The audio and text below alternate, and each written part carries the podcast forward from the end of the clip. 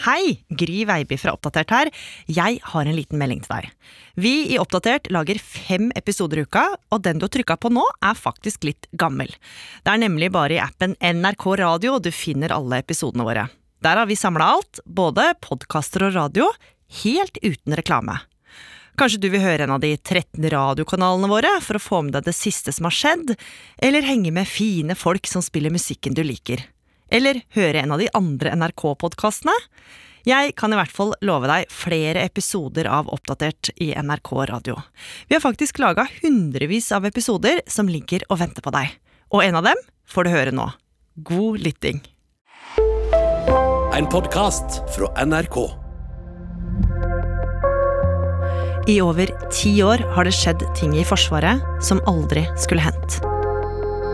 For til tross for advarsler som kom igjen og igjen, har flere blitt skada, noen av dem for livet.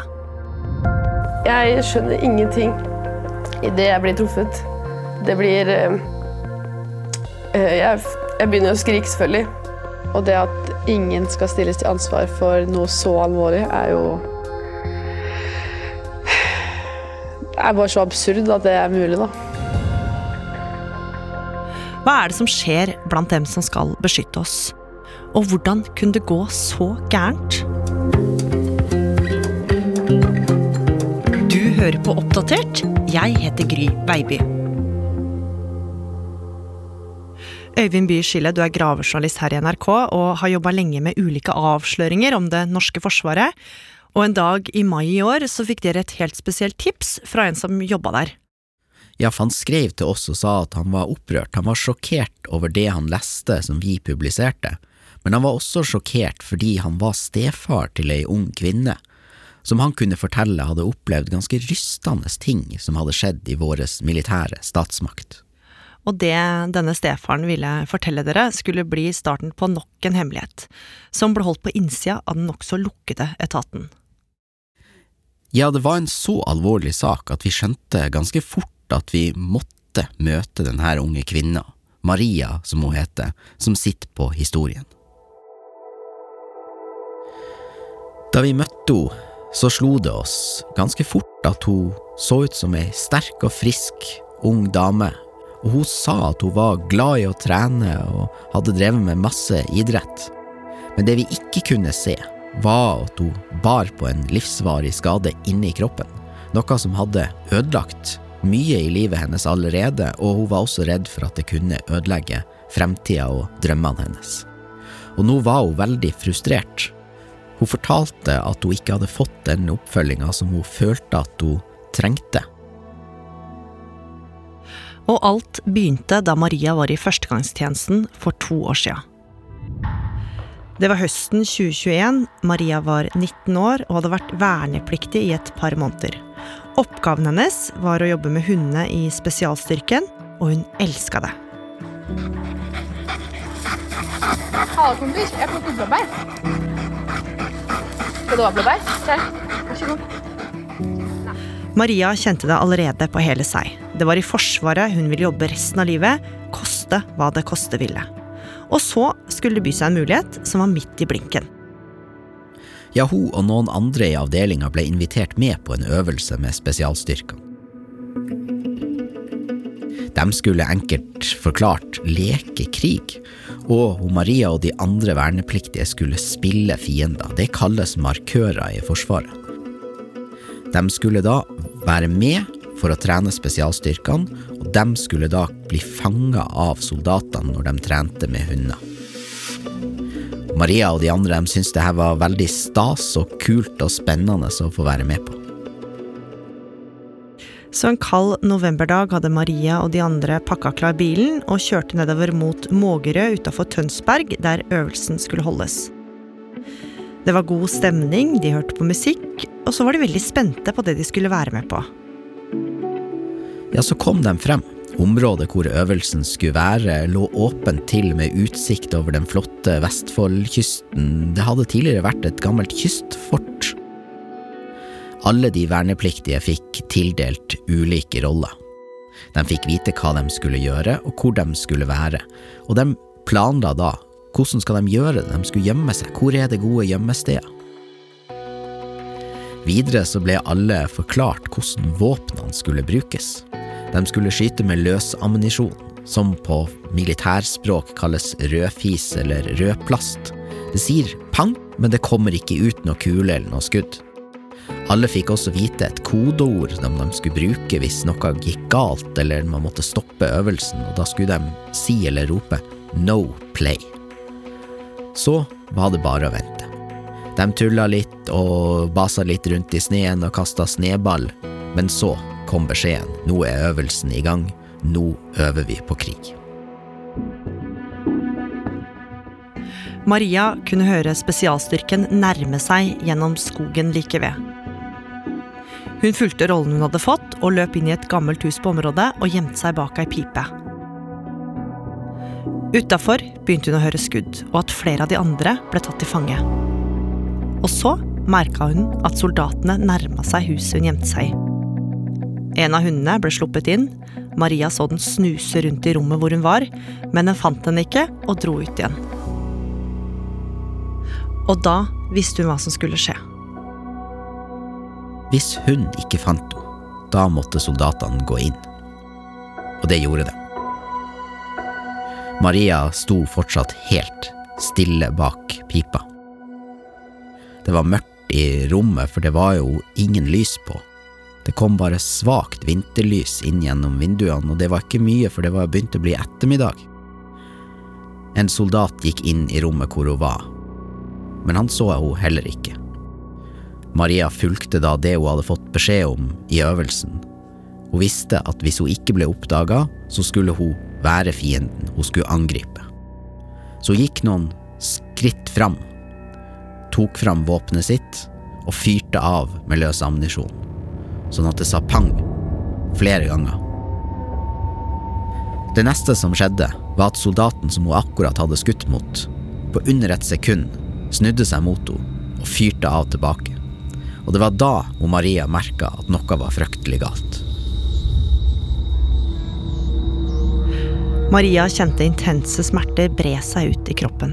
Hun hadde vondt i magen, i ryggen, og det ene beinet verka. Og alt hun klarte å gjøre, var å skrike. Soldatene rundt henne ble veldig forvirra. De gjorde først ikke noe i det første sekundet. På øvelser sånn som det her kan det skje mange ting som man ikke vet om. De skal trenes på ting som er uforutsett. Så de slet litt med å skjønne er det sånn at Maria nå spiller rollen sin i øvelsen, eller har hun faktisk vondt på ekte? Men hun Maria kjente jo at hun var skada. Hun var kvalm. Etter hvert så begynte hun å kaste opp, og begynte å miste følelsen i det ene beinet sitt. Og kodeordet no play som hun skulle rope, kom hun ikke på. Smertene var for sterke. Det eneste hun klarte å rope, var at hun hadde vondt i beinet. Nå skjønte soldatene at hun hadde vondt på ekte. De la henne ned på bakken, løfta opp klærne hennes og så at hun hadde skuddskader som gikk inn i magen og ut gjennom ryggen. De ringte nødnummeret, og Maria ble frakta i helikopter til Ullevål sykehus for hasteoperasjon. Det som da viste seg, var at Maria var blitt truffet av noen helt spesielle kuler, som ikke var ment for å treffe mennesker, men ment for bruk i øvelse ved f.eks. skyting på blink. De var laga for å dele seg opp i mange små biter hvis de traff f.eks. en metallblink. Nå hadde de delt seg i mange små biter inni kroppen til Maria, og noen av dem var kommet ut bak på ryggen. Hun måtte gjennom flere operasjoner. Splintene og fragmentene inni kroppen hadde ødelagt tarmene, magesekken var skada, og mange deler av tarmene måtte fjernes og rekonstrueres.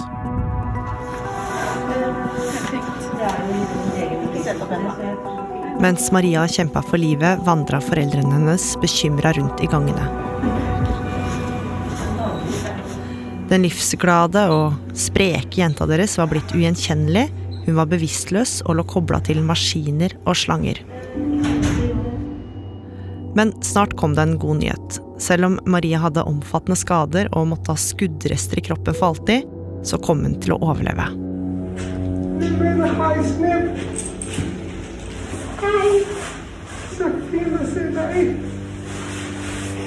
Er redd for å klemme deg hardt, men jeg har veldig lyst til å klemme deg veldig, veldig hardt. Ledelsen i spesialstyrken hadde også møtt opp på sykehuset. De forklarte Marias foreldre hva som hadde skjedd. Det ene våpenet som ble brukt i øvelsen, var ikke blitt sjekka på forhånd og hadde kuler i seg fra en annen øvelse, kuler som ikke skulle vært der. Det hele var altså en tragisk ulykke. Men Forsvaret forsikra familien at Maria skulle bli godt ivaretatt hvis og når hun var klar for å komme tilbake. Hun Maria og foreldrene satte pris på oppmerksomheten de fikk fra Forsvaret. Hun fikk flere kort der det sto god bedring, men de stussa jo kanskje litt på at det ikke kom noen ordentlig beklagelse over ulykka. Det var heller ingen som ga dem en konkret plan for hva som skulle være veien videre for Maria, men familien var samtidig i en situasjon der det var mye annet som tok fokuset eh, på det tidspunktet med Maria sine skader og oppholdet på sykehuset. For selv om hun hadde overlevd, var hun veldig svekka og skada. I lang tid kunne hun ikke bevege seg, hun trengte hjelp til alt, hun kunne ikke gå på do, hun kunne ikke spise sjøl, hun hadde mista evnen til å gå. Så det måtte hun lære seg helt på nytt igjen.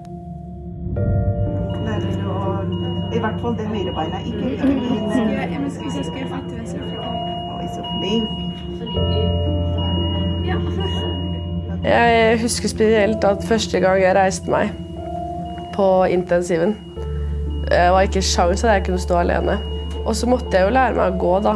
Det var en rar glede oppi det hele. for sånn, Jeg skal jo selvfølgelig aldri lære meg å gå på nytt i voksen alder. Men Maria var ikke en som hang med hodet. Drømmen om å jobbe i Forsvaret var fortsatt like sterk, til tross for det hun hadde opplevd. Og for å kunne komme tilbake, så måtte hun trene målretta. Ja, og mot alle odds, kanskje, hun var jo hardt skada og havna på Sunnaas rehabiliteringssenter for opptrening. Legene hadde sagt at uh, hun fikk egentlig ikke lov å bevege seg så mye før det hadde gått minst seks uker. Men idet hun kom til punktet seks uker, så var hun allerede i begynt å trene. Hun tok pushups, prøvde å hoppe, begynne å prøve å løpe. Hun forbløffa mange fysioterapeuter og alle dem som jobba med henne med store framskritt. Venstrefoten hennes, som hun ja, fortalte at hun hadde mista kontakten med, sleit hun fortsatt litt med. Den gjorde ikke akkurat sånn som hun hadde lyst, men hun tok det med godt humør. Hun gjorde narr av seg sjøl og sendte blant annet videoer til vennene i Forsvaret, der hun småsprang med en venstrefot som hang litt etter. De flirte tilbake på sosiale medier og sa at de gleda seg til at hun skulle komme tilbake i Forsvaret. Hei igjen! Gry her. Jeg vil egentlig bare minne deg på at det du hører nå, er en gammel episode av Oppdatert. Alle episodene våre finner du i appen NRK Radio. Endelig var dagen kommet. Et par måneder etter ulykka fikk Maria komme tilbake til førstegangstjenesten og hundene. Men kanskje ikke så rart, så var hun jo fortsatt prega av det hun hadde vært utsatt for. Ja, og Maria slet jo fortsatt med skader. Hun hadde mye smerter i kroppen og i den foten. Tarmene var fortsatt helt annerledes, de var jo skada og sydd sammen igjen, så hun sleit med å spise. Hun kunne bare spise veldig små måltider om gangen. Men ifølge Maria så var han som var sjefen hennes på det tidspunktet flink til å tilrettelegge oppgaver for henne. Hun følte seg ivaretatt. Fordi hun hadde mista mye tid på grunn av ulykka, søkte Maria om forlengelse av førstegangstjenesten. Og nå skulle hverdagen hennes endre seg, for snart så fikk hun beskjed om at sjefen hennes skulle slutte. Ja, så nå fikk hun en ny sjef.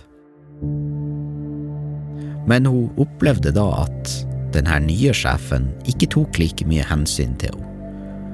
Hun hadde jo fortsatt mange spørsmål, for hun visste jo ikke alle reglene om hvordan det er når man har blitt skada på jobb. Hun var bekymra for at hun kunne bli plaga med det resten av livet, og var usikker på hva det kunne si for framtida hennes i arbeidslivet. Hun ville vite mer om hvilke muligheter hun hadde.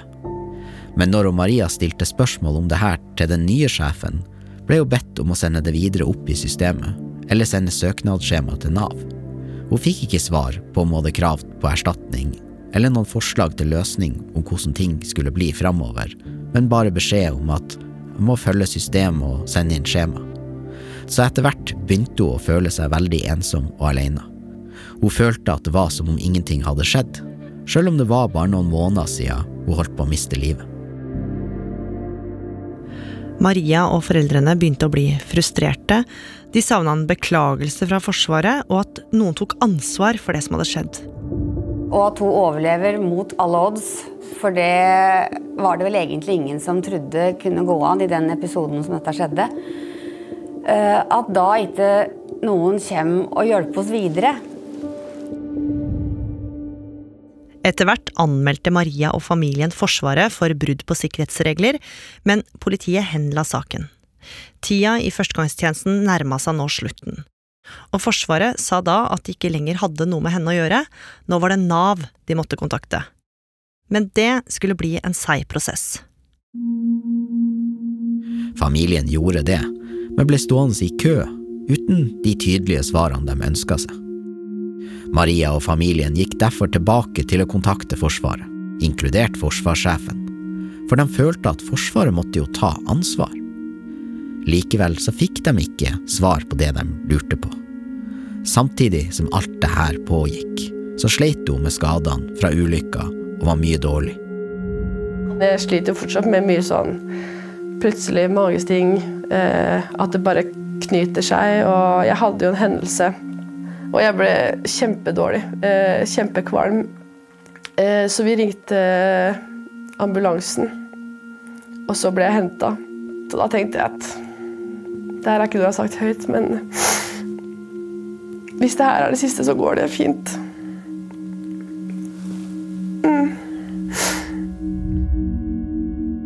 Det var på denne tida at Maria sin stefar kontakta oss i NRK og fortalte om hvor hjelpeløs og rådvill de følte seg, og hva de hadde opplevd med Forsvaret.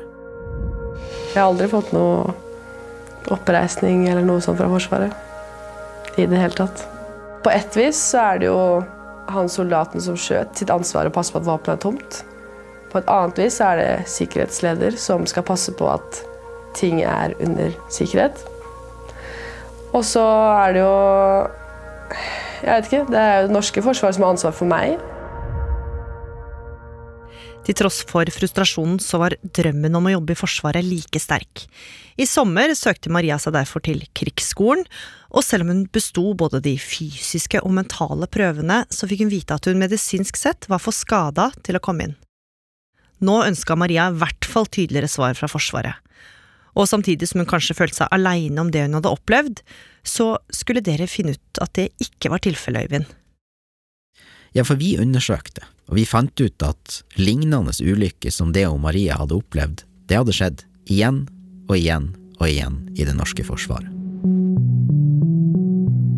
Vi hadde gravd ei stund, og vi hadde henta ut masse informasjon. Vi fant ut at siden 2010 så hadde det vært 20 sånne skyteulykker, såkalte vådeskudd, i denne offentlige etaten, som hadde endt med skader på personer av ulik alvorlighetsgrad. Soldater hadde vært med i uhell på øvelser der de var blitt skutt i skulderen, i armen, i magen og i fotene. I minst åtte saker så var ulykkene forårsaka av akkurat det Maria hadde opplevd. Nemlig at ingen hadde sjekka at våpenet var tomt. Og det som faktisk var veldig overraskende for oss, var jo at Statens havarikommisjon og andre granskninger hadde kommet på banen flere ganger og påpekt det her. En rekke ganger hadde de vist at rutinene måtte endres, og at det var for dårlig sånn som våpenhåndteringa var i Forsvaret. Det ble også pekt på at ulike steder i Forsvaret hadde helt egne rutiner. Det var for lite samkjøring, og ikke alle fulgte de reglene som egentlig skulle gjelde for hele Forsvaret. Men til tross for alle disse advarslene de siste ti årene, og soldatene som var blitt skada, så hadde man ikke klart å håndtere det. Og ting hadde fortsatt som før, og stadig nye ble skadd. Så nå sendte dere en rekke henvendelser til Forsvaret der dere ba om et intervju med forsvarssjefen for å få svar på hvorfor ikke ting var blitt tatt tak i. Ja, og etter mye fram og tilbake så fikk vi til slutt et intervju med dem. De beklaga jo både at Maria var blitt skadd og det som hadde skjedd i hennes sak, og så vedgikk de at det var et problem med de her ulykkene, men de sa at det her var de i gang med, og det her hadde de hele tida jobba med, fordi de sa det var et kontinuerlig arbeid med å øke sikkerheten og se på rutinene. Jeg mener at vi har beklaget dette gjentatte ganger, eh, og jeg tror også overfor henne. Og hvis det, dette ikke har nådd fram, så vil jeg bare gjøre det med en gang. Det er, dette er sterkt beklagelig. Beklager til Maria og til de som ble rammet av dette. Eh, her må vi alle ta ansvar for å gjøre ting sikkert. Og det har Forsvaret selvfølgelig et ansvar for. Hadde, hadde, man sørget for at det aktuelle våpenet ble visitert og ble sjekket, så kunne jo ulykken vært unngått, og det burde ha vært gjort. Dette skuddet som hun fikk i magen, skulle aldri ha skjedd. Etter at NRK kontakta Forsvaret om saken, fikk også Maria endelig et møte med forsvarssjefen, der de snakka om hvordan oppfølginga av henne hadde vært. Soldaten som avfyrte skuddet mot Maria, ble også tiltalt for å ha brutt sikkerhetsreglene, men han ble frikjent i retten. Verken han eller advokaten hans har ønska å kommentere denne saken. Maria har nå også søkt om erstatning gjennom Nav, men framtida hennes er fortsatt usikker. Og flere kan være i samme båt som Maria, med ulik alvorlighetsgrad. Hvordan kan noe som dette skje over så lang tid på et sted som Forsvaret, Øyvind? Det er jo vanskelig å si. Eh, Forsvaret sier jo sjøl at det her skal ikke skje. De sier ett vådeskudd er ett vådeskudd for mye. Samtidig så sier de jo at det er umulig å garantere seg helt. Eh, de sier at de jobber med våpen, og at i Forsvaret så skytes det over 40 millioner skudd i året, og at det da alltid vil være en risiko. Så det de sier er at de vil se på en rekke ulike tiltak. For eksempel så vurderer de om det vil være mulig å legge inn en fysisk sperre i våpenet under øvelse som gjør at det blir umulig å fyre av, for eksempel under en øvelse som den Maria var med på. Så får vi jo se hva som skjer videre, om Forsvaret viser veldig tydelig at de rydder opp og endrer rutinene, og at det her er noe de har lært av.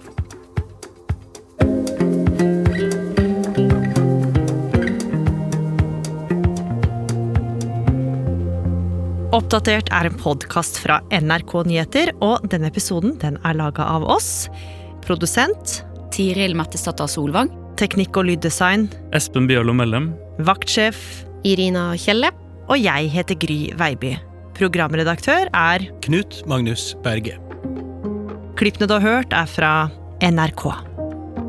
Har du tips eller innspill til oss i Oppdatert, så kan du kontakte oss direkte i NRK-appen eller sende en e-post. Adressen er oppdatert krøllalfa nrk.no. Hei, dette er Gry Veiby igjen. Hvis du likte denne episoden her, og gjerne vil høre mer, så ligger altså alle episodene til Oppdatert i appen NRK Radio, i tillegg til veldig mye annet bra innhold. Vi høres!